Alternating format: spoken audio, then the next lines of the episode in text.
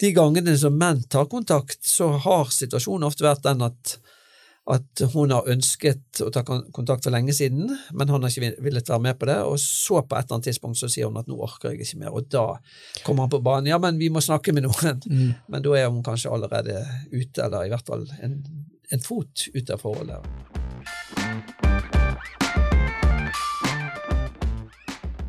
Hun snakker mer og mer, og han snakker mindre og mindre, og blir ja. mer og mer irritert. Ja, ikke sant? Og det, er, det kalles en rundløype.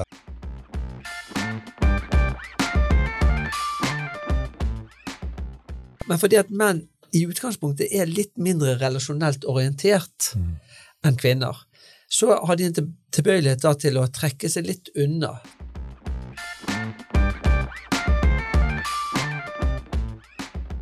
For det er jo færre og færre som er par nå i Norge, faktisk, og Vesten generelt. Eh, men jeg tror ikke det kommer av at vi er mer og mer selvfokuserte. At vi har altfor mye fokus på våre egne behov, og på grunn av at vi ikke har et realistisk bilde.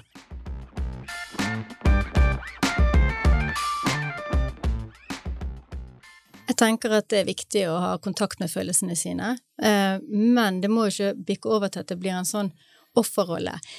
Kanskje det som kan bli en sånn ubalanse hvis mannen i forholdet er veldig pusekatt, så kan det appellere mer til morsinstinktet i kona. Oh, det høres ikke bra ut. Oi, oi, oi.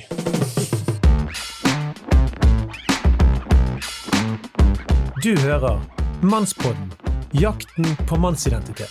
Bli med Andreas Skjelde og Einar Helgaas på din vei mot autentisk maskulinitet.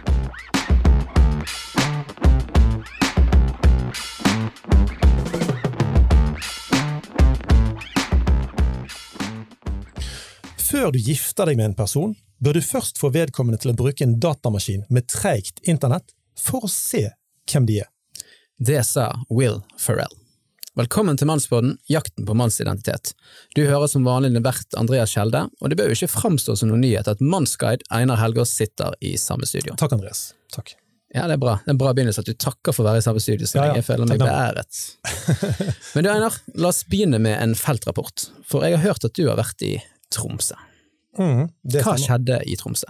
Det som skjedde i Tromsø, var at jeg hadde gleden av å ha et mannsseminar Uh, og jeg kom jo opp der. Sant? Jeg har jo litt sånn aner i nord. Sant? Så jeg kjente at her er jeg hjemme, og, uh, og, dette skal gå veldig bra. Jeg Kom i nesten 50 stykk, så det var et av de best besøkte seminarene. Men så skjer det som er helt forferdelig. Jeg blir demaskulinisert. Demaskulinisert? Mm. Hva skjer da? Nei, altså sant, Vi driver Mannspodden, og jo, hvis vi blir demaskulinisert, det er jo liksom ikke vi som skal bli det. Mm. Det som skjer er at Jeg har en, en PowerPoint-presentasjon der jeg forteller litt om jobben min, og her er familien min, og sånn. Og så viser jeg til slutt eh, en haug med Pepsi Max-flasker. Og så, og, så, og så, sier jeg at jeg er i ferd med å bli pepsiholiker. Eh, og ber denne gjengen med, med en del nordlendinger og litt andre folk om å rekke opp hånden hvis de òg drikker Pepsi Max. Ja. Kan du vite hvor mange som har opp hånden? Altså Pepsi Max er ikke det i Norge der vi er på verdenstoppen i Pepsi Max? Vi står for 9% av hele drikkingen av Pepsi i hele verden. Jeg tipper 60% Det var ikke en sjel som rakte opp hånden, og der står jeg altså avkledd foran nesten 50 mann. Hallo, drikker ikke du cola? Det er jo det som er mannedrikken! Det var jo det som runget i luften uten at jeg hørte det. Så det var et sinnssykt mageplask. Så ikke reis til Nord-Norge og tro at du kan bare spørre dem om et eller annet som eh, holdt holder på med. Ja. Nei, men det, det er bra, Einar. Men går det bra med deg? Jeg har kommet meg for så vidt, har hatt ja, samtaler og sånt for å komme gjennom det. Men eh, det er viktig. akkurat nå er jeg på, på Det er viktig med samtaler. Ja. men da går vi videre med dagens tips, og jeg kan godt begynne. Dugnad holder på å dø ut. Korona tok knekken på mye dugnadsvirksomhet eh, i idrettslag og diverse, og det syns jeg er utrolig ræva. Vi er mm. nødt til å få opp igjen dugnadsånden. Så jeg sier til gutta der ute, bygg nabolag, eh, bygg fotballag, bygg hytter i trærne sammen, eh, og, og, og bygg samfunn. Ikke, altså, dette er noe av det beste vi har i Norge, tenker jeg. Så jeg har lyst til å ut, utfordre gjengen til å ikke la den dø ut, og, selv om det er jo utrolig mye bra på Netflix, og det er jo utrolig mye man kan stulle og stelle med hjemme, men vi må jo bygge dette samfunnet. Ja. Vær så god, Andreas. det er et veldig godt tips. Du, jeg har et enkelt tips. Drikk tre liter vann hver dag. Ja. Menn må det, liksom? Ja, menn eh, trenger tre liter, så tror jeg kvinner er på 2,4 liter for dagen. Ja. Vi får høre med vår kvinnelige gjest etterpå. Kristina, ja, altså, drikker du nok, liksom? Om jeg drikker nok, det tviler jeg på. Heia, du er ikke ja. dehydrert, vel? Nei, av og til lurer jeg. Oi, oi, oi. Ikke bra. Yes, men du, Da er det en stor glede å introdusere våre gjester. Da skal dere få til å presentere dere, og eh, vi hørte jo nettopp en nydelig kvinnestemme. Kan ikke du presentere deg? Ja, veldig gjerne. Kjekt å være her. Jeg er da Kristina Eikrod Ottersen, eh, familieterapeut. Jeg er en eh, skikkelig guttemamma. Er du det, ja? Ja. Har du en haug med gutter? Jeg har en haug med gutter Fire, på fem, hjemmebane. seks stykker? Altså, jeg har tre, men jeg har fått ei jente òg, da, så vi Ja. er liksom et team der. Ja, så jeg syns det er veldig kjekt å være her på Mannspodden. Ja, Du har lyst til å hjelpe gutter, du òg? Jeg brenner for at gutter skal ha det bra. Ja, Kan ikke vi si det sånn? Jo, kom Ja. Det blir ikke verre enn ja det er nydelig. Og at, at disse fedrene og disse mennene òg skal bare være trygge, være gode fedre. Ja, heia, heia menn. Blomstre. De skal blomstre. Det skal blomstre, det skal brenne. Bor ikke du på Sotra? Det er derfor jeg begynner å snakke stril. Et, Jo, jeg Bor bor på på? Sotra, men jeg har vel litt dialekt fra Os. Å ja, jeg, men det er jo deilig strilende strilting der òg, vel. Så lenge det er på Vestlandet, så er jeg fornøyd. Ja. Ja. Men så jobber du sikkert med noe? Ja, jeg jobber som familieterapeut. eh, Driver eget. Vi eh, starta egentlig med Instagram-konto når eh, pandemien kom, jeg og Petter. Mm. Foreldre sammen. Og så har det utvikla seg. Sånn at da har vi parsamtaler, og vi har foreldrekurs, og ja Jobber mot dette med at familier skal ha det godt sammen. Stilig. Mm. Herlig. Og så har vi en bergenser med oss. Nå skal du få presentere deg. Frode Tuen, velkommen i studio. Tusen takk for det. Hvem er du? Eh, ja, nei, jeg, eh, jeg er psykolog. Eh, professor ved Høgskolen på Vestlandet, og eh, har engasjert meg i eh, samlivsspørsmål, familiespørsmål, som forsker og kliniker, som psykolog og som eh, formidler i mange, mange år. Ja. Var det, er det mange år siden dette skjedde? Altså Har samlivsterapi holdt jeg på å si, eh, vært eh, noe som du har på med i flere tiår? Ja, nå nærmer det seg i hvert fall 30 år. Ja. Mm. Godt jobbet. Du er jo litt sånn i, i mediene imellom, og noen, det er noen slagsmål eh, om enkelte ting, eh, nesten. Det var ikke noen damer i 40-50-60-årene som ble litt sur her eh, eh, for en liten stund siden? Gikk fikk, klarte du å ro det i land, eller var ikke det vits i å ro det i land? Jo, altså det var jo en, en mediestorm som var ganske formidabel når den sto på. Eh, det var Peder Kjøs og meg som hadde et innlegg i avisen hvor vi brukte uttrykket eh, Hva var det de kalte det for, da? Markedsverdi. Og så ble dette koblet til, eh, til kvinner, og eh, godt voksne kvinner.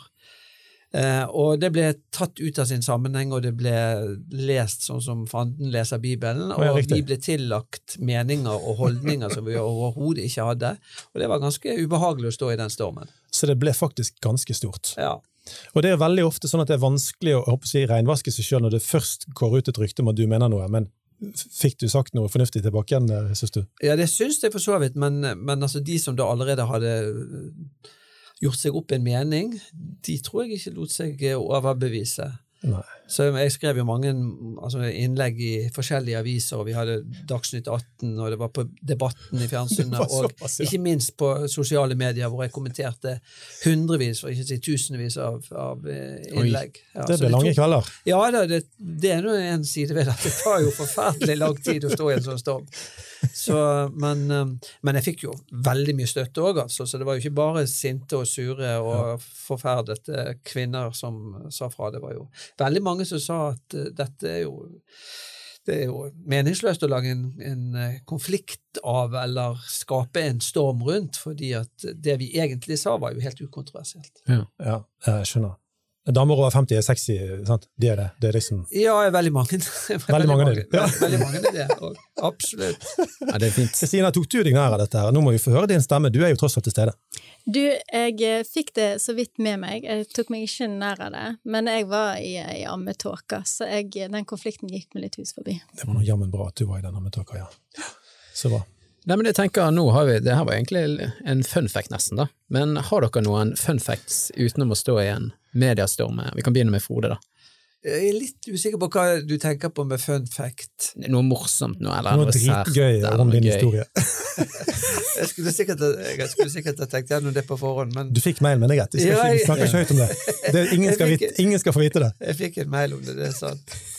Jeg har gitt ut en CD. Det er, ikke oh, ja. spesielt Wow. fun, da, men det er i hvert fall noe som mange ikke vet. Det spørs jo litt hva som var innholdet. Det kan jo være veldig morsomt hvis innholdet var litt sånn. Ja, det var, vi, vi laget musikk til uh, Inger Hagerup-dikt. Jeg har jobbet mye med dikt, egentlig. ja. Jeg er glad, i, jeg er glad i, i litteratur generelt da, og bruker mye tid på det.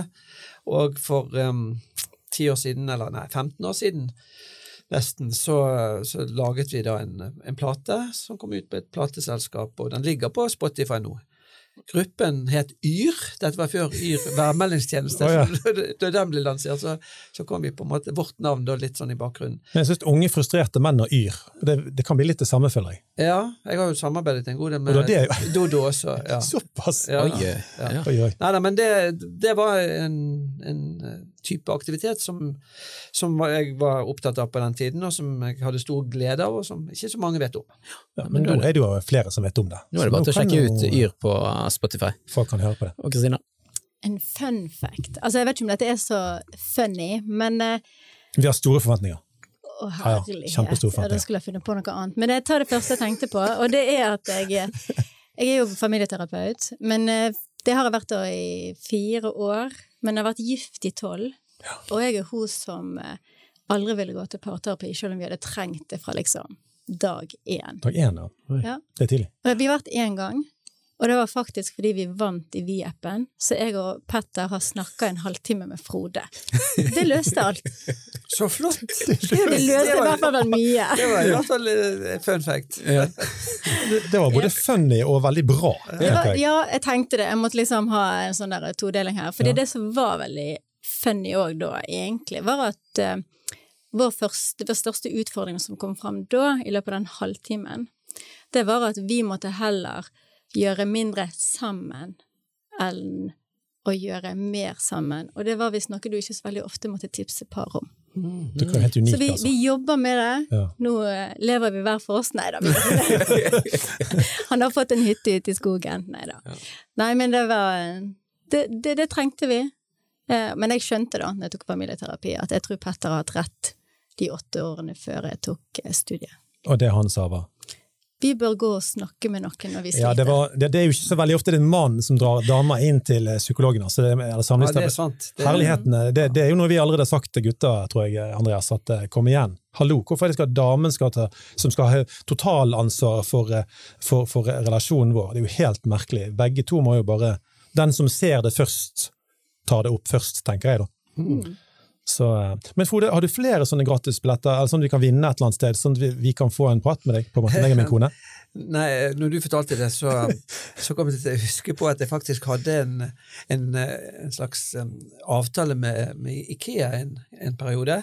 For de hadde et sånt enormt komplisert um, skapprosjekt, eller skapgreie som de da skulle selge. Og så, så var det de som kjøpte det, de fikk altså da tilbud om en gratistime med meg på kjøpet. Kom de ut av skapet, da? Ja, det kan du si. Nei, altså det var vel én, tror jeg, av, for det var veldig få som kjøpte dette, for det var så komplisert og, og svært. Men det var én av de som kjøpte det, da, som innløste den, den timen.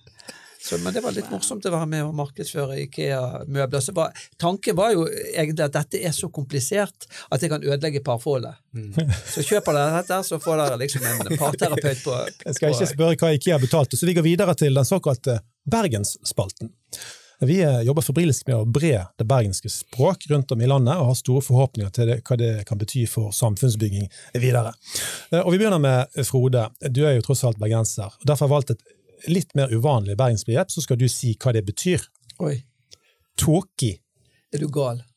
Hei, Anne, den kom raskt. Ja, ja. Jeg visste ikke Ja ja, selvfølgelig gjorde det det! Veldig bra. Kristine, hva betyr nesig? Aner ikke. Jeg kommer fra Os, jeg bor på Sotra. Har ikke dere noe sånt begrep der nede? Nåsig? Nei, nesig. Nesig? Nei, aner ikke. Det var så nesig. Nå tok jeg det på andre siden, bare for hvis det hjalp. Ja, nei, det hjelper ingenting. Vi går til Frode. ja, den er jeg litt usikker på. Er du usikker på nedsig? Ja, Det er noe som er skikkelig kjipt. Å, ja, ja, ja. Det er nedsig. Og det var skikkelig nedsig at Brann tapte mot Rosenborg. Ja, ja, den er litt lokal, tror jeg. Ja. Vi, vi brukte ikke det oppe i Frana, der jeg kommer fra. og litt eh, ser- finere, ser finere strøk i Bergen. Ja, ja. For de som Kanskje det ikke helt- 20-gudsspråk. Det er 20-guttene. Vi Yes. kjører videre, Andreas. Men før vi dykker ned i dagens tematikk, så har vi en kjapp respons fra en lytter. En mann fra nord sier Synes dere har tatt opp mange viktige tema, og ikke minst om det å være maskulin på en sunn og god måte. Elsker spesielt de ærlige rett fra levra-kommentarene. Det er helt topp. Utrolig overraskende at en nordlending skriver det. Ja, det. det, du har jo vært der oppe. Yes. Eh, Og opplever det mer som mer løve enn pusekatt. Noe som jeg har savnet stort i de sammenhengene jeg har vært borti i løpet av livet. Ja, men Så herlig, da. At en nordlending kan oppleve at han føler seg hjemme i det vi holder på med. Det blir ikke Det liker vi veldig bra. Men eh, et spørsmål til til dere to. Det kan jo dette ta lang tid, men eh, litt sånn konsist. Eh, Altså, Har dere blitt eh, samlivs- og familieterapeuter ut fra rett og slett en interesse, eller har det vært en slags kallsopplevelse? Altså, hvordan, liksom, hvorfor har dere gått inn i dette området? Har dere sett behovene, og dette passer jeg til? Hvordan var det, hvis vi begynner med deg, Kristine? Altså, i utgangspunktet så studerte jeg teologi. Ja. Så jeg har eh, syv år på, i teologistudiet. Ja. Eh, men fant kjapt ut da at jeg ikke hadde lyst til å jobbe i kirken. Men det jeg har alltid hatt på hjertet, er jo det å jobbe med relasjoner, verdier, eh, ja, leve gode liv. Og så fikk jeg jo, som sagt, fire barn, og jeg gifta meg med en østlending. Mm. Og da kan vi jo snakke om kulturkrasj og sånne ting. Eh, og, så jeg har alltid visst jeg ønsker å jobbe med mennesker, relasjoner, verdiformidling, gjerne. Men når familien økte, så kjente jeg familieterapi. Det har lyst til. Liksom det å ha noen gode verktøy, det å ha muligheten til å møte mennesker midt i livet, gjerne i kriser, gjerne i forebyggende arbeid. Ja. Så ikke akkurat et kall nødvendigvis, men det samsvarer helt med hva som engasjerer meg, hva som alltid har engasjert meg. Hjertesak er jo òg en måte å si det på. Ja, det er det. Alltid hatt sans for å bli kjent med nye mennesker, Ja. prate livet. Jeg er ikke så god på smalltalk, jeg elsker å snakke i dybden. Oi, oi. Ja. Herlig. Frode, hva er din versjon? Eh, Jeg kom nok inn i det litt tilfeldig. Altså, når jeg var ferdig med doktorgraden, så måtte jeg få meg en jobb, og så da fikk jeg eh, tilbud om å jobbe på et eh, prosjekt som het Sorg og omsorg, som var da støtte til etterlatte, folk som hadde mistet ektefellen sin eller et barn.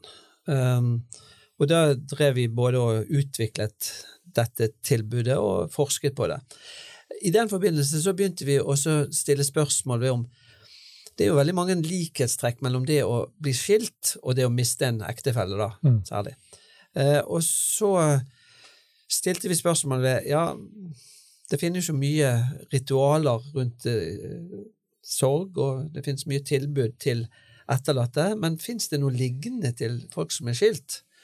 Og så gjorde vi en undersøkelse, det var ganske tidlig på 90-tallet, der vi sendte, ja, henvendte oss til alle norske kommuner og spurte om de har noe tilbud, organisert tilbud til skilte. Og det var det stort sett ingen kommuner som hadde. såpass, ja. Ja, altså bortsett Det var jo back then. ja, Bærum kommune hadde noe, faktisk, men bortsett fra det så var det vel ingen andre. Og da ble vi litt sånn nysgjerrige, både meg og de andre jeg jobbet med, liksom, hvorfor, hvorfor tenker vi så annerledes om samlivsbrudd? Og så ble vi kjent med dette uttrykket 'sorgen det ikke sendes blomster til'. Altså, for det er jo en sorg, det å bli skilt også, særlig hvis ikke man ønsker det. Men det er ingen som anerkjenner at det er en sorg, og det fins liksom ikke noe støtte til de som går gjennom det. Også. Og fra da av så har jeg vært opptatt av det med skilsmisse, og etter hvert, når jeg holdt på med det en stund, så ble jeg mer opptatt av hvordan kan vi forebygge skilsmisser, og da kom jeg inn på dette med samlivskurs og terapi. Mm. Sånn at etter hvert, de siste 20-25 årene, så har det ja, blitt mer et slags kall, eller en, i hvert fall en veldig, veldig stor del av min faglige identitet. da. Mm. Og Frode, når det kommer til skilsmisse, ser du noen forskjell mellom menn og kvinner?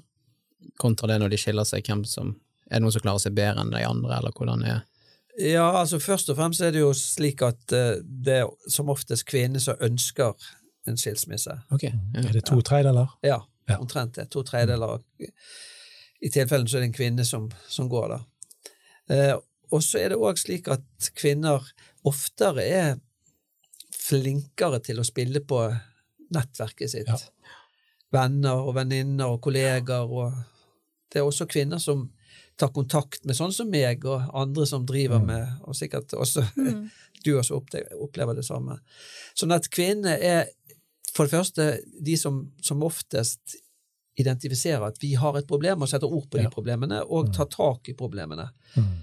Eh, og det er de som også som oftest velger å gi seg når, når det blir for vanskelig. Og det er jo derfor eh, Jan Eggum har sangen 'Da skal jeg komme, Ja. da vil jeg forstå'. Jeg han, synger, at når hun hadde gått, Ja. og han sitter igjen og egentlig skjønner, ikke skjønner hva som skjedde, da sier han 'da skal han komme', Ja. men hun er jo dratt. Ja.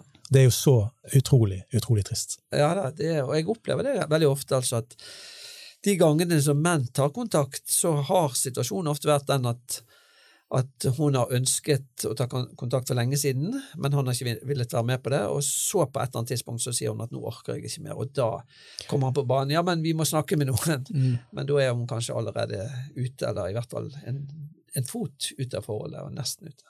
Men hvor, men hvor kommer denne forskjellen at menn ikke identifiserer problemet seinere enn kvinner? Er det noe Ja, altså det, det handler jo dypest sett om uh, mannsrollen. da, altså at Menn er nok i utgangspunktet tradisjonelt sett mindre relasjonelt orientert. Mm. Altså, det henger jo sammen med, med våre liksom grunnleggende kjønnsroller, hvor mannen har vært forsørgeren og den som skulle skaffe pengene til familien, Mm. og kvinnen har vært i mye større grad den som har tatt seg av omsorgen og de relasjonelle behovene. Sant? Så Mm. har jo selvfølgelig dette endret seg i moderne familier, så er jo det er mye mer likhet mellom kvinner og menn. Men, men likevel, når vi kommer inn på dette med samliv og brudd og sånne ting, så er, så er vi ganske tradisjonelle, tradisjonelle likevel. Men, men tror ikke du at eh, altså, mannsrolle Det må jo være noen byggesteiner under mannsrolle, nemlig biologi. Og at vi er, vi er bygd opp av hormoner sant? som utgjør kvinnen og utgjør mannen. Eh, Og at det er jo ganske forskjellig satt opp. Sant? Vi har brukt en del tid på det i Mannsbåten. Eh, Så jeg tror jo at grunnen til at mannsrollen har blitt sånn som mannsrollen er, er biologien. Og så har du samvirke mellom de. ikke sant? Hva tenker du om, om, om biologien som nummer én og mannsrollen som nummer to? Ja da, nei, det, det henger jo sammen. altså. Menn har jo mer testosteron og er dermed mer opptatt av eh, konkurranse og vold. ikke sant? Altså, Ja. Menn er jo mye mer voldelige og konkurranseorientert i utgangspunktet, Ja. og det, det handler jo om, eh, om eh, biologien. Ja. Og så har vi jo selvfølgelig Vi er jo ikke bare biologiske vesener. Altså, vi, har, vi lever jo i et samfunn, og vi påvirkes jo òg av verdier og holdninger og alt sånt der. Men, eh, men at biologien ligger der, og, og man kan jo òg altså, se det i et sånt eh, utviklingsperspektiv, hvor, hvor menn da har på en måte hatt eh, interesse av å spre sine gener i Ja. mye større grad enn kvinner. ikke sant? Så Ja.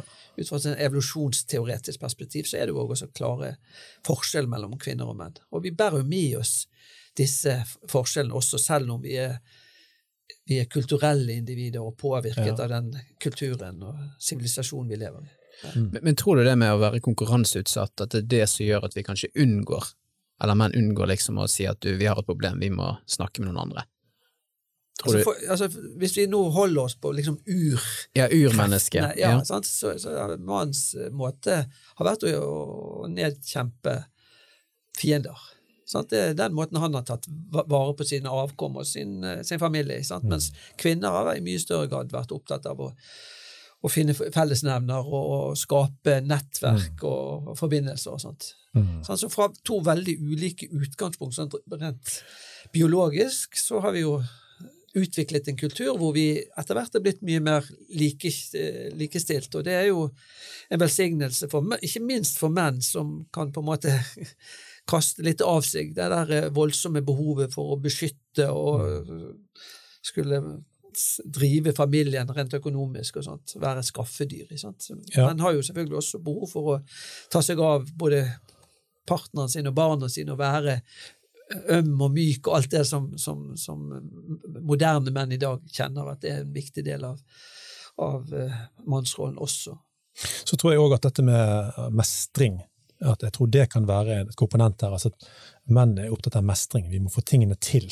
Og hvis du er for opptatt av mestring, så kan hende den snikende uroen i parforholdet ikke blir oppdaget, for du er liksom så Vi klarer det, og vi står, og så, og så ser kona eller damen ser en del andre ting som han ikke legger helt merke til, men han er opptatt av jobb, og han er opptatt av å holde huset gående, og alt, og så plutselig så er det noe som har gått kaldt i mellomtiden. Ja. Ja. Mm. men er mer instrumentell. Altså, skal og det ser man jo i veldig mange sammenhenger. Sant? Og det er ofte godt ment at når det er en krangel eller en uenighet, så sier han ja, men ikke bry deg, ikke tenk på det. Det er ikke noe sant? Mens det hun Ja. bare trenger, er jo at, at han er der emosjonelt til Ja. stede og sier at stakkars deg. Sant? Mens menn ønsker å, å reparere og ordne Ja, og fikse, fikse Fram med verktøykassen. Ja, ikke sant? Både bokstavelig talt og Ja. i overført betydning. Helt riktig. Ja. Mm. Og det, det blir, eh, men Kristina, ikke kvinner vil gjerne bli forstått, vil gjerne ha en samtale, vil gjerne at vi ser hverandre i øynene, at vi snakker sammen. Hva tenker du om de tingene? Jo, det er jo denne biten med å være relasjonell. Sant? Det ligger jo òg i kvinnen, ikke sant. Morsinstinktet, det er den omsorgsbiten som ligger der, sant, som en del av vår natur. Det blir jo det som blir da viktig å tenke i relasjon. Det å liksom ivareta den Har vi tilknytning, har vi tillit, liksom? Hører vi til hverandre? Og at behovet for å få det bekrefta ser forskjellig ut, kanskje, i relasjonen. På Mm. hvordan føler jeg meg ivaretatt av deg. Det er ikke nødvendigvis at du er ute og jobber, selv om det er det du kjenner. Jo, men nå ivaretar jeg familien. Ja, ikke sant? Forsørgeren. Sant? Ja, forsørgeren, ikke sant. Um, og så har jeg jo hørt en sånn eh, to ulikheter i mann og kvinne som Gottmann har pratet om, han eh, Mm. samlivsforskeren, som snakker om dette her at eh, kvinners hva skal du si, frykt er liksom å ikke kunne ha tillit til sin partner, mens mannens frykt er at en har eh, krav til å måtte endres, eller et sånt behov for å ikke måtte endre seg, og kvinnen har et behov for tillit, hvis vi heller kan si det Mm. sånn, da. Mm. Og det kan jo òg bli en sånn krasj, Ja. da. Sant? Når kvinnen kjenner, å trenge, trenger å kjenne at jeg må ha tillit til deg. Og Mm. tilliten handler ikke da bare om jeg kan stole på det du sier, men tar du ansvar her? Mm. Eh, kan jeg stole på deg i, i eh, mine kjipe dager, i det emosjonelle, i å ivareta barna? Hjelpe til med lekser. Ja, hjelpe til. Noe som vi kaller det tredje skiftet, sant? hvis en har vært borti det. Den derre mentale arbeidet på hjemmebane. Liksom, er vi to om det?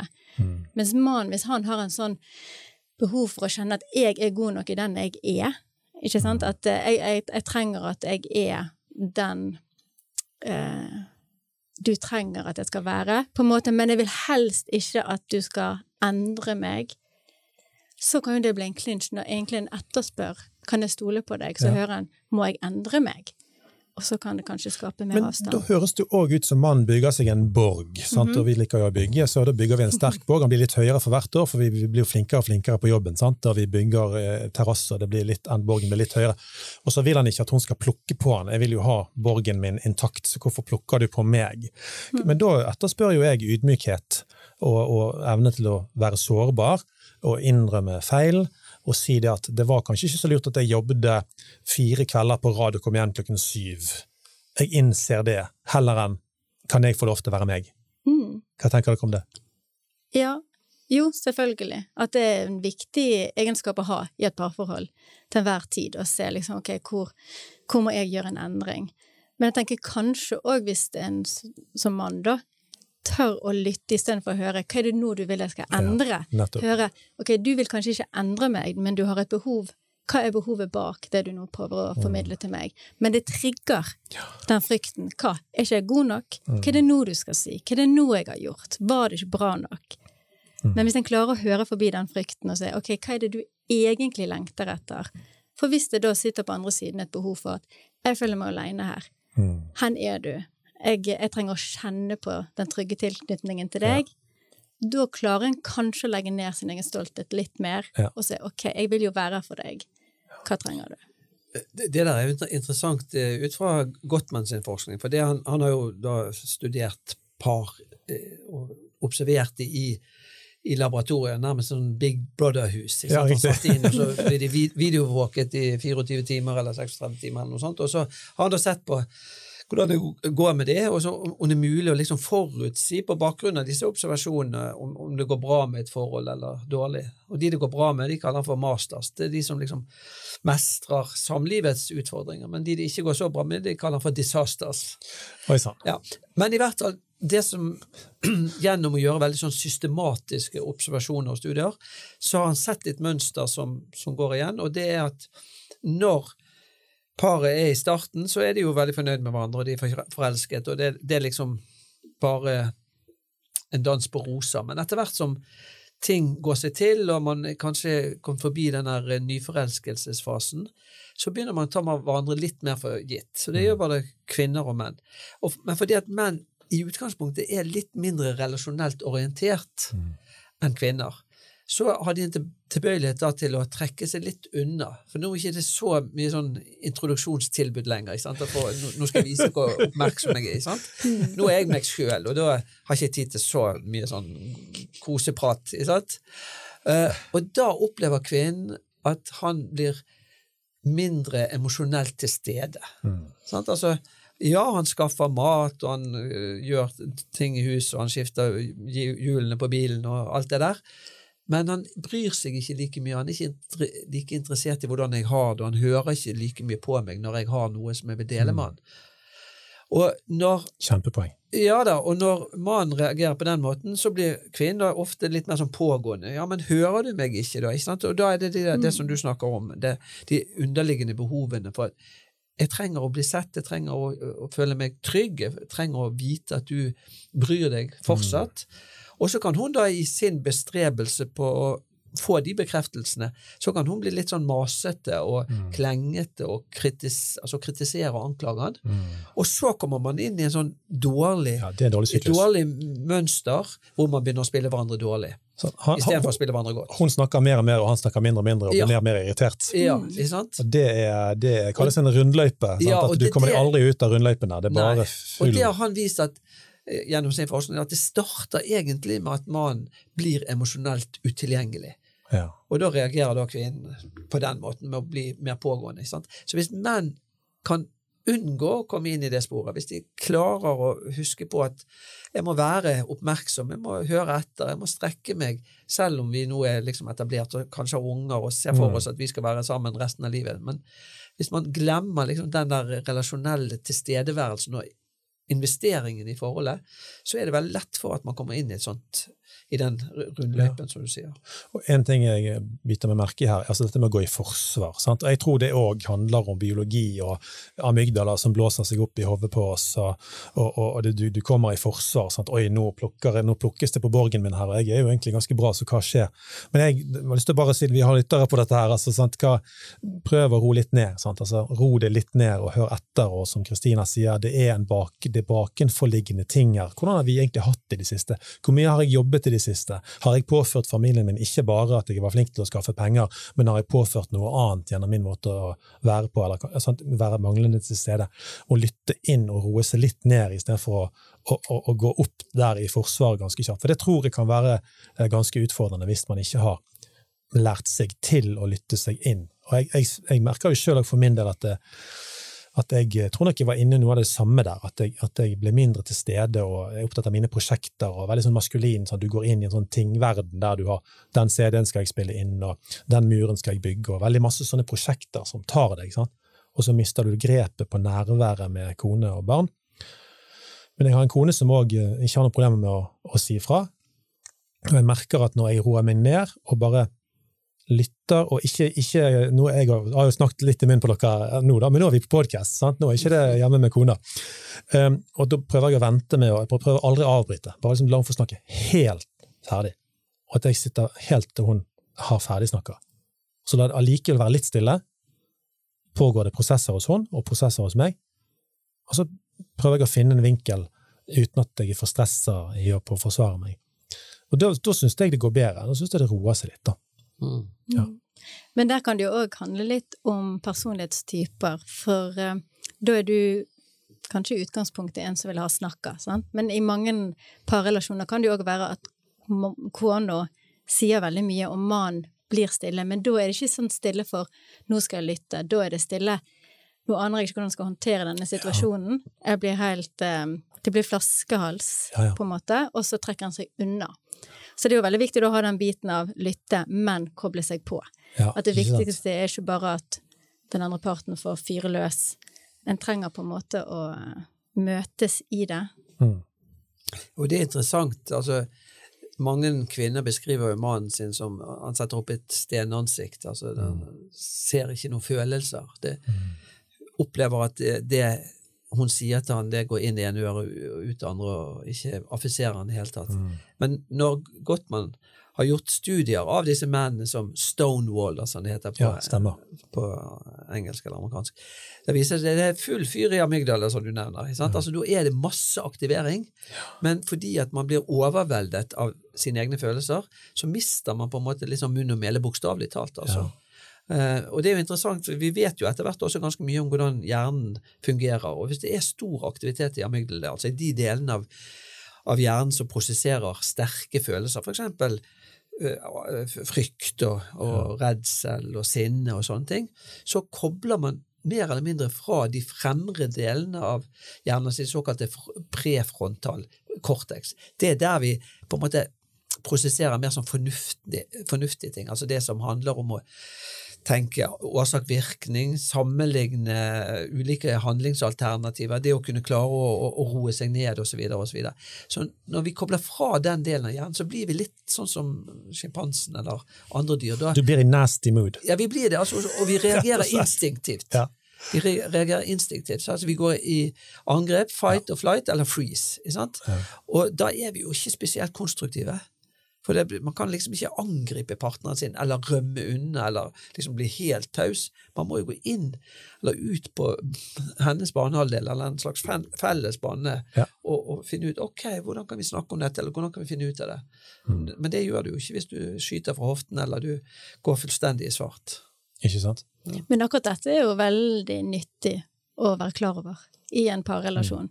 Fordi at når du står der, og du er sånn som vi snakker om på foreldrekurs, når du snakker om foreldre til barn, og du skal håndtere liksom eh, trassanfall, holdt jeg på å si, vi ikke skal kalle det, og de er jo selvstendighetsalderen, men når de blir så sinna at de ikke klarer å roe seg, sant? så snakker vi om at de må inn i toleransevinduet sitt.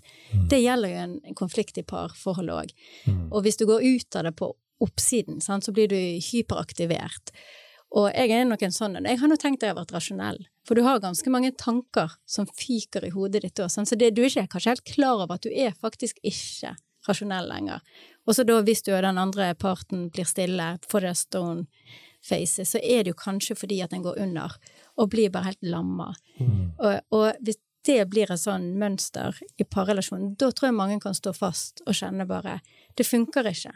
Sant? Dette går ikke lenger. Altså det, jeg tenker at Hvis du låser deg i det over år Men det kan være en sånn nøkkel å bare forstå. Dette er Det skjer i hjernen. Ja, altså det, det, det, det er liksom ikke Det er ikke dere som ikke funker sammen. Det er bare hjernen. Det, det, eller sånn, det er ikke bare hjernen. Men dere har noe dere kan jobbe med, som Ja. ikke bare handler om om dere er en match eller ikke. Det handler om reaksjoner som er helt naturlige. Hvordan kan vi respektere det i parrelasjonen? Sånn at det, å, det er jo viktig å komme seg inn i det toleransevinduet for da å kunne løse den konflikten. Men Ja. være klar over. Du, sky, du skyter den andre ut, og du skyter den andre ned. Vi må heller møtes når vi har fått roa oss. Ja, og, og du kommer ikke inn i toleransevinduet før du har roet deg ned. Du må roe deg. Så amygdala kan ikke stå som en blåst ballong inni hodet ditt. Da, da, da går det ikke. Så det telle til ti og ta seg en runde rundt huset eller to, og litt forskjellige, forskjellige tiltak mm. eh, kan nok hjelpe. Så bra. Du, det her er jo eh, full fyr i bøtta. Eh, Vi skal jo nå eh, spankulere videre inn i det som er litt sånn eh, hovedtema. Vi kaller dette for Ready for love. Det er spørsmålet hvordan kan vi forberede oss på å få til et vellykket samliv. Og da har jeg lyst til å komme med en knøta liten historie av en kompis som var i tidlig 20-årene. Han var utrolig klar for dame. Skal ikke si navnet hans. Men det han gjorde da, istedenfor bare å gå og spinne rundt seg sjøl, han begynte å lese bøker om samliv. Og forberede seg. En moden eh, ung mann altså, på rett over 20. Og det som er litt utfordrende her, er at han ble en så bra ektemann at venninnene til kona sa i hans 40-årsdag at de egentlig ville ha han. og det er jo på en måte da skal vi si at det har gått for langt? Nei, det har ikke gått for langt. Men det er jo veldig kult, for han tjener da familien sin noe helt uh, vanvittig. Et av mine store forbilder. Han er utrolig flink med familien sin. Men hva tenker dere? Skal man på en måte lese bøker? Folk har nesten sluttet med sånt. Uh, Eller leser de samlivsbøker om dagen? Eh, Ja, det gjør man jo, men ikke så mange menn, og i hvert fall ikke menn i 20-årene. Må de være litt sånn tynne og lette bøker? Er det sånn, de, de for lang? Ja, kanskje det. Altså, de kan jo lese Nå spør jeg faktisk alvorlig, altså. Ja, nei, altså Menn og unge er jo mye mer på nettet. Så sånn sett er jo Vi-appen som jeg står bak, et godt, godt eksempel til folk som er unge. Og det er jo interessant når vi ser på brukerne våre, så er jo det det er jo veldig mye folk i slutten av 20-årene, begynnelsen av 30-årene. Selv om vi har for så vidt en høy spredning, men, men, eller stor spredning, men, men flesteparten er i det området. Så, så det å, altså, men et mer sånn generelt svar på spørsmålet ja, jeg tenker at det å være opptatt av hvordan Ikke bare få en dame, da, eller en partner. Skaffe eventuelt. sant? Ja, Skaffe men- en dame, ikke det bra sagt? Ja, skaffe seg en dame. Skaffe En dame! Men, men det hvis man, Hva skal man gjøre i neste runde? Altså, Når man har skaffet henne, ja. Ja. Mm. Hvordan skal man ta vare på en god dame hvis man har klart seg å skaffe en, eh, en dame? Så, og det, det trenger jo at man både leser, eller i hvert fall man trenger å være oppmerksom på det og være åpen for å lære. Hvis man tenker at dette er noe som alle kan, så er det jo lett for at man går litt, eh, går litt eh, på limpinnen. Men altså, via appen der kan du til og med gå inn og få sett videoer og lese ting, som gjør at du kan forberede deg på et framtidig samliv. Ja. Altså at du gjør noen grep nå. Ja. Så dere har, dere har stoff i hele fjøla. Midt i samlivet og før samlivet og hele Det er bare til å følge en eller annen temaliste. Jeg har ikke vært inne der sjøl ennå.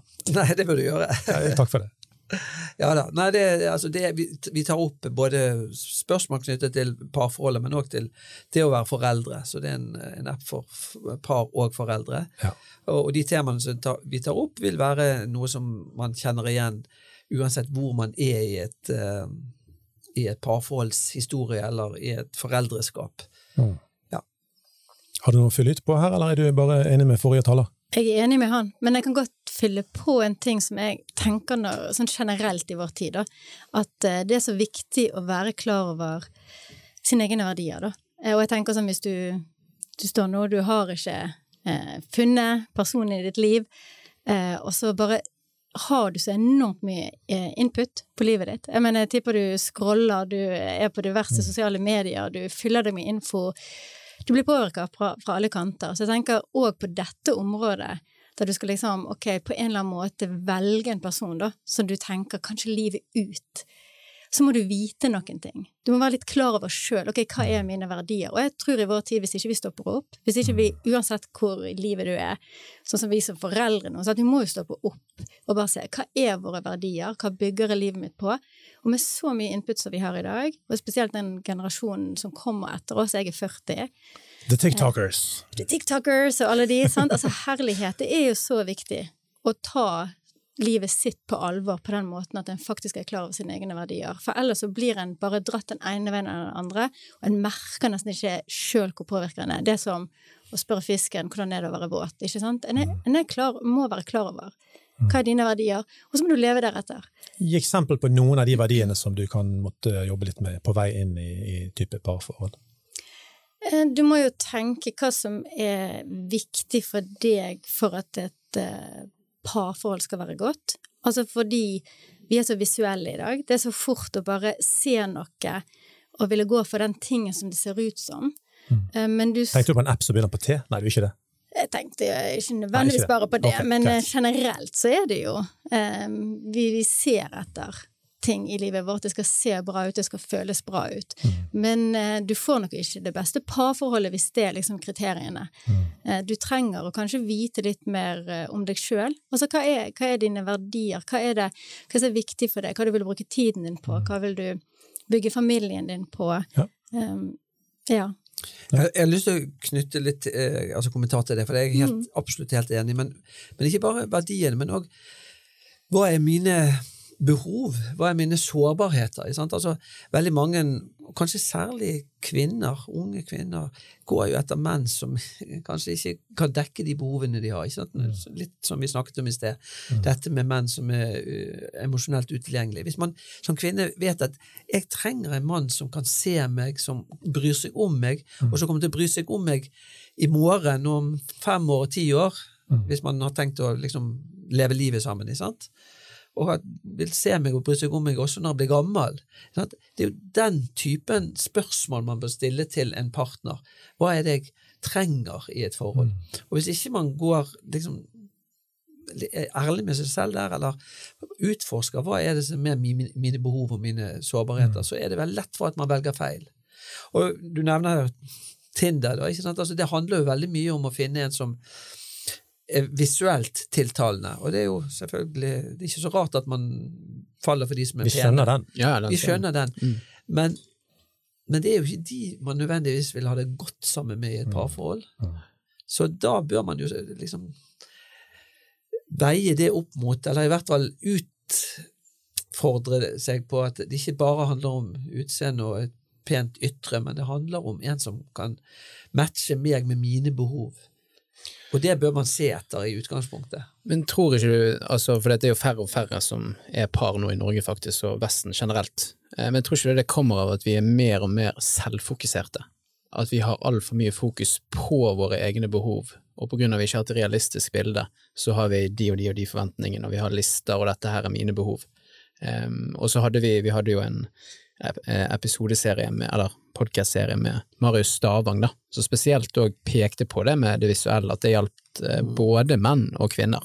Der er vi faktisk mer like enn kanskje det som er kjent, da. Ja, altså både kvinner og I forhold til hvordan vi vektlegger eh, utseendet? Ja. Kvinner og menn ser egentlig ganske mye på utseendet. Ja, men det jeg har skjønt, er at menn, har, eh, menn er, er, mer villige til å gå i bredden der enn kvinner. Altså kvinner, kvinner går for de aller flotteste, høye, mørke, eh, og de har et ganske stort harem. Altså hvis vi skal rett og slett ta tallenes tale fra Tinder på alvor, så, så har de fem prosentene av menn som eh, ser råbra ut, de har et stort harem av kvinner som har ca. samme utdannelse, eller kanskje litt lavere òg. Mens, mens så, så, menn velger bredere, sånn som jeg har skjønt det. da. Ja, så menn velger bredere, men det er jo, folk har jo, eller gjennom tiden har vi sagt at liksom menn er veldig visuelle. Vi går kun etter ja. Eh, vakre damer, mens ja. kvinner er mer for den trygghetsfølelsen, da. Eh, men kvinner er Høres ut som en myte blitt ja, nå, det er en altså, myte. Uh, det... men, men, jeg tror at altså, For det er sånn som, som du sier, med, med altså at menn går bredere ut.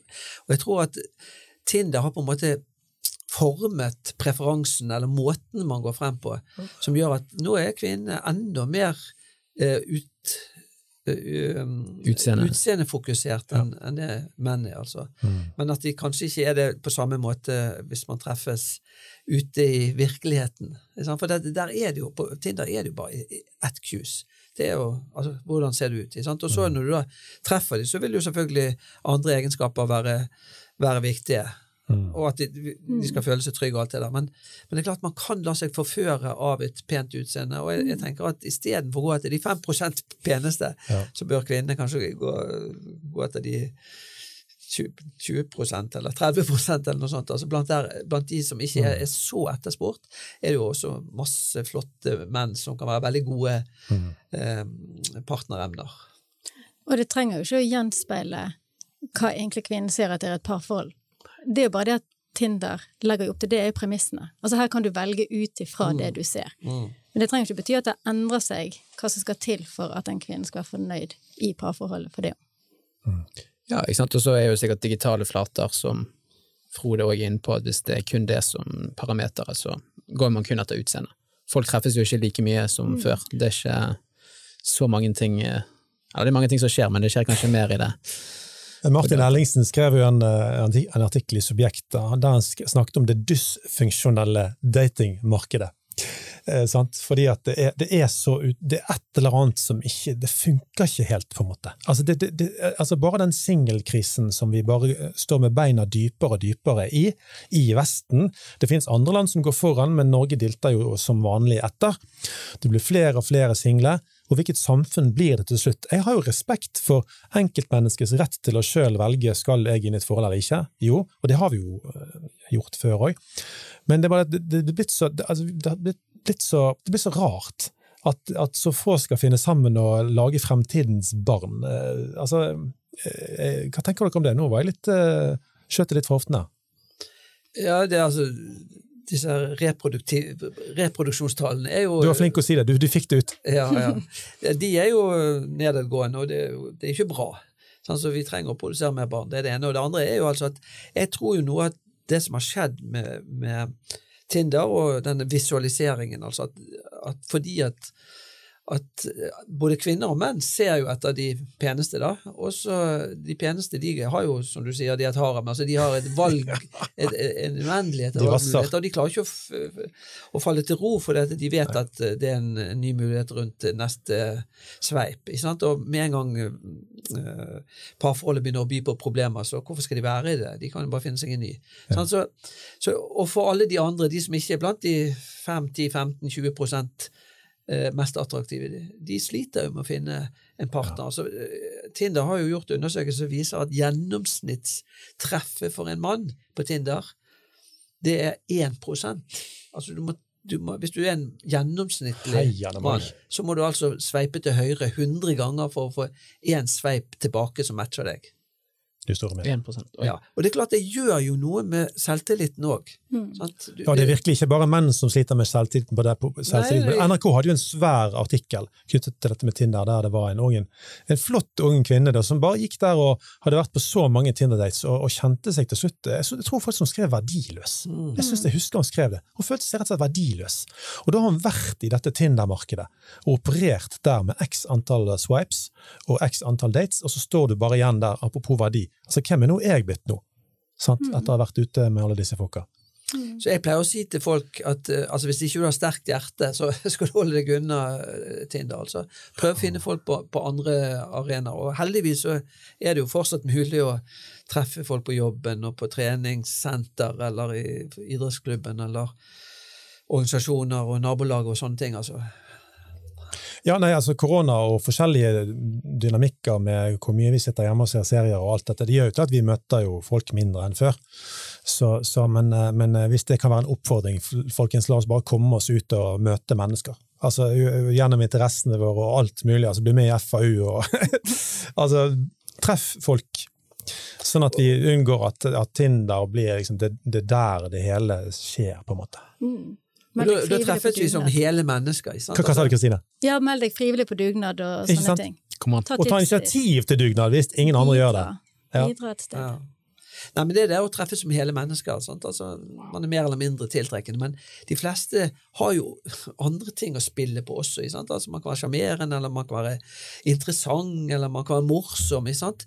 Men altså, på, hvis alt handler om utseende, i hvert fall i første omgang på Tinder, så får man jo ikke spille ut alle de andre kvalitetene som helt opplagt er viktig for hvordan du er, både som person og som partner. Men da lurer jeg litt på, ok, sant, det du sier nå, du, du møter på Tinder-date. Greit, utseendet var det som førte oss sammen. Sånn er det bare, det vet vi alle.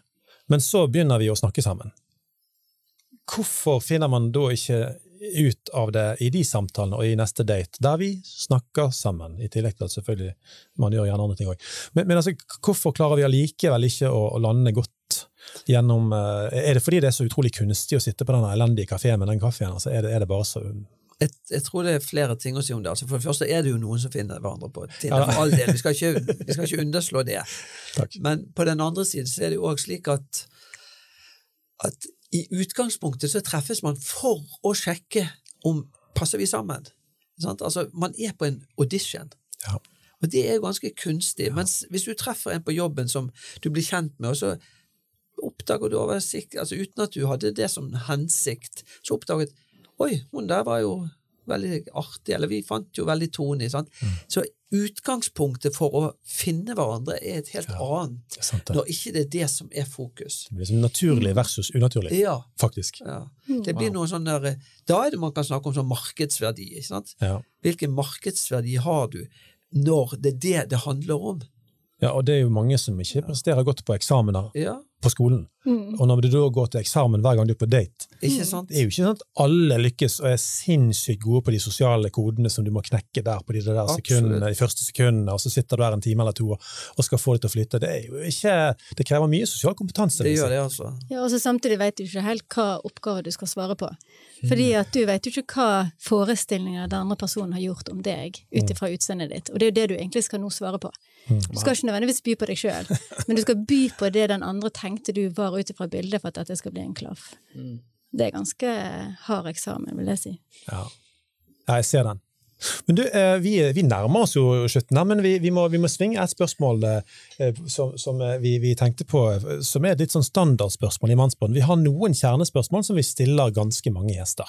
Så har vi da eh, gjengen med på en reise da, mot det som vi kaller en autentisk maskulinitet. Men eh, løve eller pusekatt, hva tenker dere om at mannen skal være? Hvis vi, hvis vi lager den eh, ytterkanten her, løve eller pusekatt? Umiddelbart tenker jeg løve. Hvorfor løve? Jeg tenker at mannens rolle er det å være en leder, det å ha en god ansvarsfølelse. Pusekatter tenker jeg denne katten vi har hjemme som er så enerverende og kommer og piper utenfor soveromsvinduet mitt klokken åtte, fire om natten fordi hun er våt. Eh, Og jeg liksom pusekatt, da tenker jeg at det er mange behov som skal dekkes. Ja. En løve um, har, kontroll. har kontroll. Samtidig tenker jeg liksom, ser for meg løve med løveflokken. Sant? Det er mye omsorg der. Mm. Eh, de er en flokk. Uh, men ja, det er løve. Jeg tenker ansvarsbiten Ja. en viktig bit av maskulinitet. Maskulinitet. Mm. Men før Frode slipper til, hva tenker du om løve versus pusekatt i parforhold? Altså, nå, nå er jo, du er jo inne i det, men, men liksom, hvis mannen da trekkes mer mot eh, det, det sårbare, det forsiktige, det, den snille, herr kjekk og grei, heller enn å bruse litt ved manken innimellom. Sant? Det må du gjerne som leder. altså Du må jo vise styrke, du må jo ta det der ansvaret og liksom gå foran. Sant? Hva tenker du, òg når du snakker med folk, hva ser du eh, den, i dagens mann? Hvordan han eh, jobber i det sjiktet? Jeg tenker at det er viktig å ha kontakt med følelsene sine, eh, men det må jo ikke bikke over til at det blir en sånn offerrolle. Kanskje det som kan bli en sånn ubalanse hvis mannen i forholdet er veldig pusekatt, så kan det appellere mer til morsinstinktet i Oh, la, la, det høres ikke bra ut. Oi, oi, oi. Hva skjer da? Nå skøyt jeg litt på hoften, her. ja, hva skjer da? Det er jo du kan rolle- Ja, ja, det var det jeg gjorde. Eh, hva rolle vekker det i, i konen? Hva, hva dynamikk får du da i parforholdet? Ja. Um, da Og mødre sin mann? Nei, Ja. det var ikke så, gøy. Nei, og jeg tror lett det kan bli litt sånn ubalanse i en familiedynamikk hvis du òg har fått barn. Da har du plutselig en til på slepet. Fordi at du er så aktivert da, som eh, kone med å være mor, eh, omsorg, og så kommer, hvis da mannen er en pusekatt, og bare Det blir et nytt barn i familien. kan Ja, det okay. blir jo hermetegn, for all del. Ja. Men, men poenget er at hvis du da løser ut altså Du skal jo løse ut elskerinnen. Altså, elskerinnen skal jo Mm. ha lyst til å farte med, farte med han, og, og kjenne respekt for han. Mm. At du, jeg, jeg lener meg til deg, og sammen er vi sterke. Mm. Frode, nå skal du få slippe til. Du sitter her, sikkert her og verker etter å slippe til. Når du sier pusekatt, da tenker jeg på han eh, karakteren til Kevin Vågenes, Kjell Simen, eller hva han heter. Helt klart. Ja, jeg, jeg tror ikke det er mange menn som har det som ideal, og jeg tror heller ikke at det bør være et ideal. Men, men det å ha noen myke sider, og det har jo en løve òg, altså løven har mye omsorg for sin, eh, sin flokk, og det syns jeg i høyeste grad bør være en del av mannsrollen. Ikke sant? Ja. Stilig. Jeg kan pysse deg litt på armen om du vil det. Jeg kan gjøre det. det er det god Einar. Men du, jeg har faktisk en crazy story historie på det der. Kan ikke du ta noe, da? Har vi tid til det? Jo, kjør. Er dere sikre at du vil høre det? Kom an. Ok, for min, min kompis han snakket om eh, Han sa liksom at det finnes et prinsipp der som heter løfteprinsippet. Har dere hørt om det? Ja, du har hørt Ja, for det at uh, vi var og danset swing, da. Uh, og når du danser swing, så er det noen ganger at du må løfte din uh, partner, da, eller en kvinne, opp i luften. Og det var noe som skjedde at når du løftet denne kvinnen, da, så var det sånn at når hun kom ned igjen, så så hun Du kom ned etter en stund! Kom ned etter en stund, ja. Eh, Så så hun eh, på det på en annen måte. Wow! Og han, han kompisen min, han, ble, eh, han giftet seg faktisk med Når hun kom ned, så giftet de seg. Ja. Så det, Det, det, blir jo ikke vakrere enn det. det blir ikke vakrere enn det. Så istedenfor Tinder, så kom det på sving og løft i vei. Nesten halleluja i studio her nå. Altså. Hva, hva skal vi si til dette? Løftere skal, vi, vi, vi får jo brukt styrken vår, ikke Ja, sant? Og, og det er noe løvete med å løfte opp damen som og Noen ganger er jo sørens halvparten av den tyngden på mannen. Så hvorfor ikke? Absolutt, det bør være en oppfordring. Gå hjem og løft konen. Ta imot, det er det viktigste. At mannen tar imot dama når hun kommer flagrende. Ja, ja. Spennende. Men, men eh, hvordan syns dere det går med den norske mannen generelt? Dere sitter jo og snakker med disse i samtalerom og, og blir kjent med mange. Det er det som gjør det veldig spennende for oss å snakke med dere som, som gjør dette som profesjon. Eh, dere har så mange sånne samtaler. Til slutt så blir det jo nesten forskning ut av det i deres egne hoder. Og jeg ser noen trender her. Frode, hvordan går det med den norske mannen? Jeg syns sånne spørsmål er så vanskelig å svare på, for den norske mannen er veldig, veldig mangfoldig.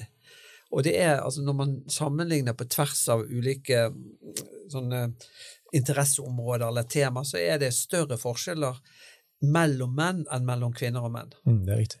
Eh, og det gjelder også innenfor samlivsfeltet. Altså, jeg Mm. treffer menn som er veldig relasjonelt orientert og veldig flinke til å sette ord på følelsene sine. Ja.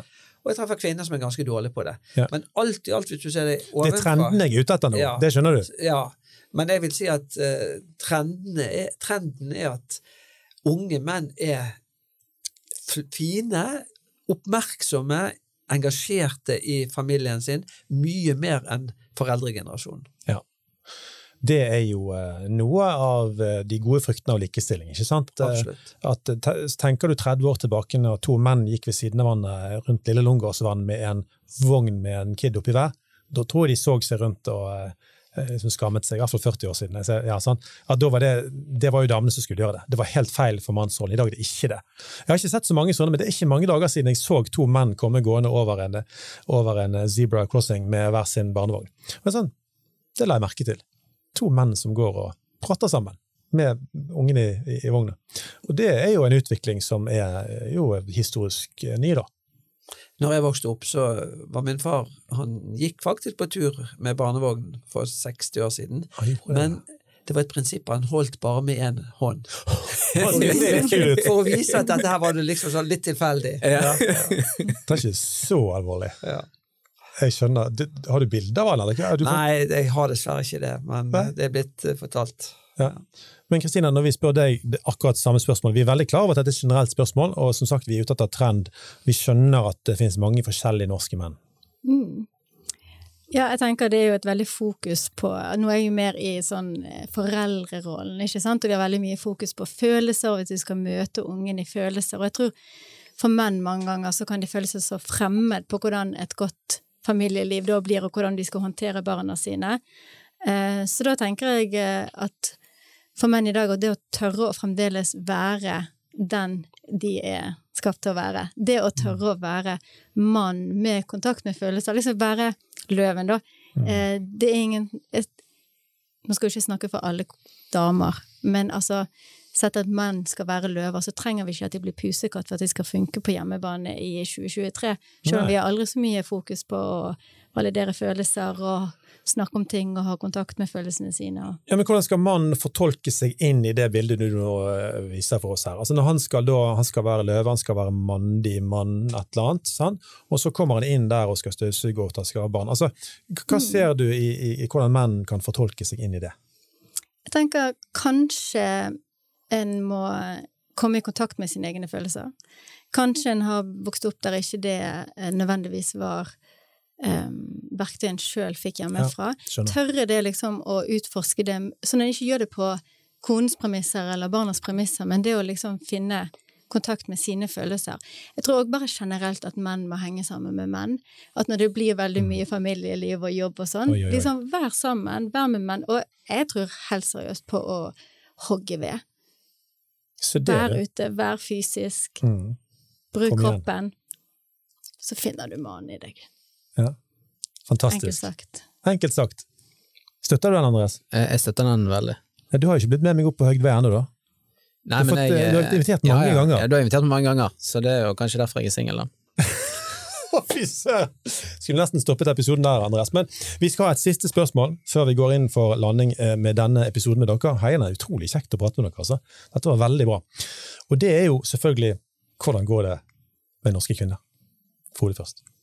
Det er like generelt som sist, så nå må du vri deg inn i trendene. Ja, nei, um, det er jo interessant at, um, at kvinner har jo kommet inn på mange mannsarenaer. Mm. Eh, De er ledere og ønsker å være ledere. Og de har kommet inn i ingeniørfag, altså typiske sånne mannefag. Mens det er lite av det motsatte. Det er veldig få menn som blir eh, sykepleiere eller hjelpepleiere. Så kvinner har på, på mange måter beveget seg mer inn på mannens arena enn en omvendt. I hvert fall i arbeidslivet. Definitivt. Ja. Ja. Men, men, eh, men, eh, men har de det bra? Altså, Har norske kvinner det bra, sant? sånn som du kjenner, eller er, det, er, er livet så sammensatt med, med samliv og karriere og alt at sant? Hvordan blir det? Ja, jeg tror nok at veldig mange kvinner har det, har det bra. De har vært vært gode muligheter, sant? for de har menn som er mye mer oppmerksomme, og, og det er mye mer likestilling i et parforhold familieliv nå enn det var for en generasjon siden, for eksempel. Og det, det, lever, det tjener jo kvinnene veldig mye på. Mm. Eh, og det er større muligheter i arbeidslivet, som jeg nettopp sa. Så, sånn at kvinner i dag har det nok bedre enn kvinner tidligere i stor grad. Men da blir jo òg et annet spørsmål har de det så bra at de ikke trenger mann? Ja, det er jo en del menn som opplever at de på en måte ikke trengs lenger. Sant? Og Ja.